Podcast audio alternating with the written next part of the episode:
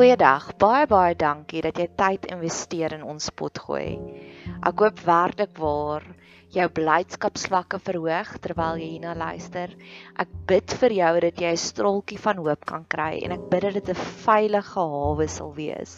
'n Sanctuary terwyl jy tyd spandeer hier op ons potgooi kanaal. Ons het 'n baie aktiewe sosiale media platform. Jy is welkom om ons te gaan opsoek op Facebook of Instagram en ons is op YouTube ook. Jy is welkom om kontak te maak deur enigiets van daai kanale. Bet Seber is ons naam. Dit staan vir huis vir huis van hoop. En ons geniet dit wanneer mense deel raak van ons gemeenskap. So indien jy enige op enige manier wil deel raak van ons gemeenskap, stuur asseblief vir ons 'n boodskap hê. Ons kom Vrydagoggende bymekaar en dan gee ons bietjie vir mekaar liefde, sissie liefde. Jy is welkom om deel te raak van ons gemeenskap deur om hierdie potgoeie te deel met jou vriende en familie of jy kan lekker kreatief raak om deel te raak van ons laat daai kreatiewe juices bietjie vloei. Ek het op nou onlangs gehoor van 'n ander potgooi kanaal wat vertel het die persoon het vir haar koek gebak om hulle verjaarsdag te vier. So laat jou kreatiewe juices vloei. Ek hoop jy geniet hierdie kuiertjie op ons potgooi kanaal.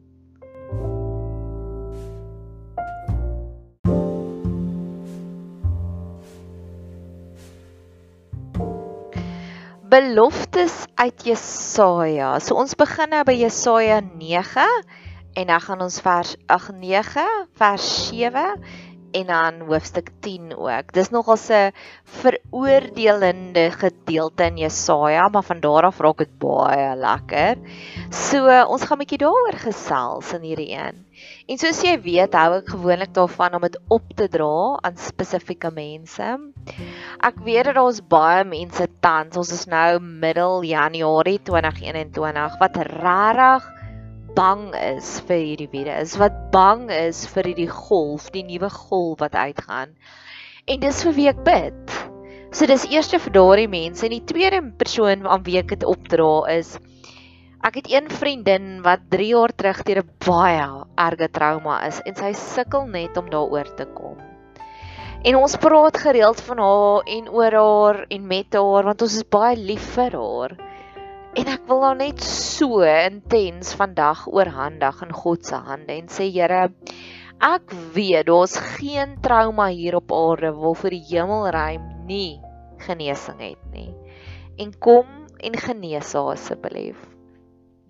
So die eerste belofte is Jesaja 9 vers 8 en die hele volk sal dit gewaar word. So God praat hier van 'n oordeel en hy sê nie net twee of drie mense sal dit sien nie, die hele volk sal dit gewaar word. En ek wil dit graag voor die Here se voete gaan neerlê om te sê Here, dis waarna ons op soek is. Ek is so intens op soek dat almal ewe skielik u goedheid moet gewaar word. Almal u goedheid moet sien dis wat ek voor die Here se voete wil neerlê. Ek wil graag hê in plaas daarvan dat ons meer praat oor die wette, want ons gaan nou net praat oor al die simpel wette tans in lockdown. Meer, minder praat daaroor of minder praat oor wanneer gaan die president weer praat en wat gaan hy doen en hoe gaan hy dit doen en meer praat oor u. Ek kan onthou 'n paar jaar terug was daar kringe om die son. Kan jy daai wit kringe onthou? En as jy op enige sosiale media gegaan het, dan was daar oral foto's van hierdie kringe om die son. En dit was wat ek aan gedink het, is Here kan U nie net weer vir ons so teken in die hemelruim gee om net te sê U is nog steeds God nie. Ek het gesien nou onlangs in die afgelope week, daar's baie onafhanklike organisasies, kerke en instellinge wat gesê het kan almal asseblief weer na God toe draai en kan almal asseblief nagmaal gebruik en kan almal asseblief vir ons Vader sê oor ons land en amen daarop, maar ek wil graag hê die president moet dit weer aankondig. Hy het dit verlede jaar Maart aangekondig, so hoekom doen hy dit nie weer nie? So kan ons asseblief vir die oomblik kry waar almal u raak sien. Weereens, almal praat oor COVID, almal praat oor lockdown. Here, kan U nie net die gesprekke draai dat dit alles oor U gaan nie? ek het Saterdag aand was daar het ek by vriende van my vinnige hallo sê gedoen. En ehm um, daar was oral muggies. Dit was die meeste muggies wat ek nog ooit gesien het in my lewe. Hulle het sulke stacking doors, daai glas stacking doors op hulle op hulle stoep. En dit in die buitekante was dit so volle volle volle laag van muggies wat gesit het op daardie glas stacking doors. En ons almal het daarvan gepraat die hele aand soos, "Jo, kyk al die muggies. Jy, hier's baie muggies." En die volgende aand was ek weer by 'n ander vriendekring en hulle het ook gesê, "Jy, het jy die muggies gesien gisteraand?" En dit was my so lekker in voorbereiding van hierdie potgooi van almal het dit gewaar word. Net soos wat ons almal oor die muggies gepraat het vir 'n dag of twee, kan die Here asseblief daagliks so iets gee dat ons oor hom sal praat. So dis my eerste belof, belofte en die hele volk sal dit gewaar word. Almal sal dit sien en almal sal daarvan praat. Die tweede belofte uit Jesaja 9 en 10 was hierdie belofte van God wil aanhoudend help. Jesaja 9 vers 11. Maar sy hand aan die einde is nog steeds uitgestrek. Jesaja 9 vers 16 maar sy hand is nog steeds uitgestrek. Jesaja 9 vers 20, maar sy hand is nog steeds uitgestrek. Jesaja 10 vers 4, maar sy hand is nog steeds uitgestrek. Hierdie belofte voel vir my soos 'n unlimited buffet waarby ons kan gaan eet kan ons dit sien dat ons dien die God wat 4 keer in een hoofstuk sal sê hy wil jou help. Ek wil jou help. Ek wil jou help. Soos 'n unlimited buffet. Ek dink baie kere sien ons God as 'n een porsie tamatie en dan dink ons ag ons het nou klaar die tamatie gegee, dis nou verby. Ons kan nou eers oor 'n maand vir hom weer vra om te help. God is 'n unlimited buffet. Of nog een, ja, die kos voorbeeld. Ek hou van kos voorbeelde. As jy verskeie aande op een volgend in 'n hotel slaap, elke oggend as jy wakker word, is daar vars ontbyt vir jou voorberei. En dis hoe ek God sien. Dit help nie jy betaal vir 'n week lank om in 'n hotel te bly, maar jy voel jy het maandag klaar die ontbyt gaan eet, so jy kan nie weer dinsdag, woensdag, donderdag en vrydag daar gaan eet nie. Dis nonsens. Ons gaan eet elke oggend daarso. So mag jy dit vir jouself die heeltyd sê, maar sy hand is nog steeds uitgestrek. Dis God wat sê ek wil jou help. Ek wil jou help. Ek wil jou nog steeds help. Al het ek jou daarmee gehelp, wil ek jou hiermee ook help. Ek wil jou help. Daar sê die woordjie eschatologic. Dit beteken om van die eindtyd af te profeteer en dis wat ek nou wil doen. Jesaja is my die grootste voorstander van eschatological. Hy sê dit is wat God vir ons beloof het en dis wat hierdie potgoeie is. Dis hoop. Jesus het reeds gesterf. Jesus het reeds aarde toe gekom en al hierdie beloftes is al reeds ons in. En ek wil dit in die lewe inroep te midde van hierdie pandemie, te midde van hierdie omstandighede. Jesaja 10 vers 1 sê die volgende: Wee hulle wat heillose insette tot wet maak en die skrywers wat moeite ywerig voorskryf.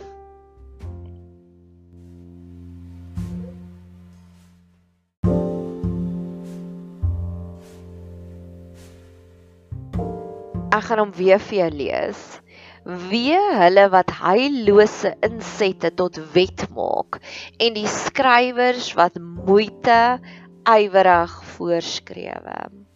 Nou as jy daai woordjie hoor wee, beteken dit soos oef, ag, God gaan hard op jou neerkom. Ek is so dankbaar ek's nie jy nie. En dis wat ek ook nou voor die Here se voete wil gaan neerlê is om te sê Here, ons sien hierdie goed, ons plaas 'n label hierop. En ons sê Here help U asseblief want ek weet U hou ook nie daarvan nie. U hou ook nie van onnodige wette nie. U hart resoneer ook nie met simpel wette wat mense se lewens moeilik maak nie, want die volgende belofte wat ons gaan doen, gaan juist daaroor oor hoe God die heeltyd ons lewe vir ons wil maklik maak. Verlede jaar in die eerste lockdown het een van my kollegas iewers raak gelees dat dit is goed as daar 'n trek is in 'n vertrek. As daar 'n liggie waai, want dit waai dan die virus uit. So dit was op een van die koudste dae in die winter. En toe ek instap in ons praktyk en ons praktyk is lieflik in die somer en aaklag in die winter want dit is marmerblaaie en teelvloere. So hy's baie koel cool in die somer, maar aaklag vriesend koud in die winter. Dis elke liewe venster oop in daardie praktyk. Elke liewe venster. En ek het dit dadelik my die die vensters in my spreekkamer toegemaak en my ligversorger aangesit dat hy die vir die kamer verhit. En sy het dadelik daar aangestroom en gesê: "Die wet sê daar moet 'n trek wees want dan gaan daar nie COVID wees nie." En ek sê: "Okay." Maar sy sê die klassieke boelie, so jy partyke 90% van die tyd voel ek ek gaan eers pick your battles. It's not worth it om daar in 'n battle in te gaan nie. En ek het 'n kompersie gaan hol vir my vir my pasiënte en dit nou maar oor hulle gegooi en gesê ekskuus vir hierdie koue. En ek het gebid daaroor. En halfpad deur die dag sien ek 'n mediese dokter en die mediese dokter wat 'n pasiënt is aan my stap daar in en sy sê vir my wat dink julle doen julle en ek sê ek het gehoor om te trek wees sy sê Nee, dit wat julle nou doen. Want dit sê verduidelik dit vir my van 'n wetenskaplike perspektief. As jy sê vir my die temperatuur hier binnekant is omtrent 9 en 10 grade Celsius. As dit so laag is, verlaag dit jou immuniteit, dan jy meer vatbaar vir die virus. So jy kweek nou eintlik die ideale omstandighede en ek het net daar gegaan na die kollega toe en gesê hoor dis wat die mediese dokter sê. Ons moet toemaak en ons moet die ons moet die temperatuur verhit hier binnekant. Sy sê o okay. Dis mense wat onnodige wette maak wat ons lewe moeiliker maak. Nog 'n onnodige wet wat ek in verseker nou voor die Here se voete wil gaan neersit want ek verwag hom vir 'n wonderwerk vir hierdie en ek dink ek gaan nog pot goeie daaroor maak is dit die alkohol verbanningswet Ek het 'n sommetjie gemaak en ek skat dis omtrent 4 miljoen mense wat nie hulle self kan gedra nie wat hulle self vergryp aan alkohol en dan maak hulle die trauma sentrums van die noodgevalle vol. Maar kom ons sê dis omtrent 10 miljoen mense wat se inkomste weggeruk is van hulle af omdat 4 miljoen mense nie hulle self kan beheer nie. Dis mos heeltemal onregverdig. Ek het ver oggend saam met my vriendin gaan stap en sy's een persoon van wie ek al baie gepraat het. Dis een van die mense met die wyd oopgestrekte hande wat die heeltyd net vir ander mense gee, die heeltyd in minder bevoorregte mense se lewens insaai. Ek het nog nooit iemand ontmoet wat so baie kospakkies uitdeel nie, wat so baie ander mense help nie. En haar inkomste is van 'n ysbesigheid. En ek het vir gesê Sal jy net vir my rolweg sê wat is die inkomste wat jy verloor elke maand? En sy het die bedragie gesê en ons het dit uitgewerk dat tot op hede het die pandemie hulle 220 000 rand gekos. Ek dink by myself, hoeveel kospakkies kon hulle gemaak het met daardie inkomste? En dis wat my hart seer maak en ek wil sê Here, kom help asseblief want die res van die beloftes wat ons nou gaan doen is oor hoe jy dinge makliker vir ons maak. Veral in hoofstuk 11, die volgende een wat ek gaan behandel. En ek wil dit alles voor u voete kom neerlê om te sê Here, kom maak dit asseblief vir ons maklik. Jesaja 10 vers 17 En die lig van Israel sal 'n vuur wees en sy heilige 'n vlam en dit sal sy distels en sy dorings verbrand en verteer op een dag. So distels en dorings, dis nie dinge wat ons soveel skade aan doen dat ons nie meer kan aangaan nie. 'n Doringkie in 'n voet, jy stop, jy haal hom uit, dit seer vir 'n oomblik en dan gaan jy aan. Mag God beloof dat hy sal hierdie vuur instuur en al hierdie dorings vir ons in 'n oomblik verwyder. Distels is ook maar net 'n ander naam vir 'n tipe van 'n doring, soos dink aan 'n hak en steekbos, nê? Nee? So alles wat jou gaan seermaak, wat jou gaan irriteer vir 'n oomblik, sal God sy vuur instuur en dit dadelik in 'n oogwink kom verbrand en verteer, kom verwoes. Hulle is nou besig hierso op die Estate waar ons bly om tans al die dorings en al die al die onkruid te verwyder. So ek het ver oggend hierdie hoopie se afgeneem van hoe hulle die hoopies versamel. En ek sê Here, dis wat hier besig is in my lewe. Ek weet dit. Ek weet ek is besig om deur jou saai te werk en ek weet nou wys jy dit ook vir my dat ander mense kom doen dit. Ek hoef nie een onkruid self uit te trek nie. So wat is die areas van jou lewe wat baie dorings en distels het? Dis nie so erg, dis 'n krisissituasie nie. Ons hoef nie 'n national disaster daaroor te roep nie. Ons is nie 'n rampgebied nie, maar dis nie 'n lekker gebied nie. Dis ongemaklik. Soos my liefdeslewe is een van dit.